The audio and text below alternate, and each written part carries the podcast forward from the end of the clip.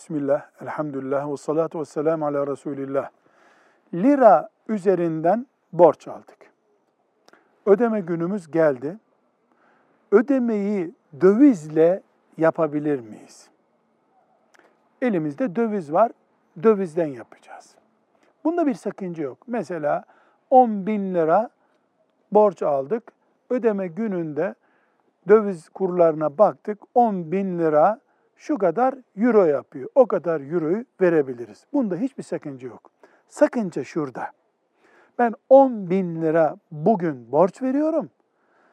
Diyorum ki bunu sen bana euro olarak ödeyeceksin mesela 5 ay sonra.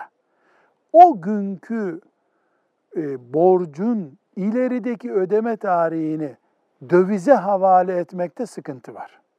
Bu caiz değil. Ama biz lira aldık, lira olarak verecektik ya da döviz aldık, döviz olarak verecektik de şu anda elimizde o para yok da onun karşılığını kur fiyatlarına bakıp ayarladık. Caiz mi? Caiz. Velhamdülillahi Rabbil Alemin.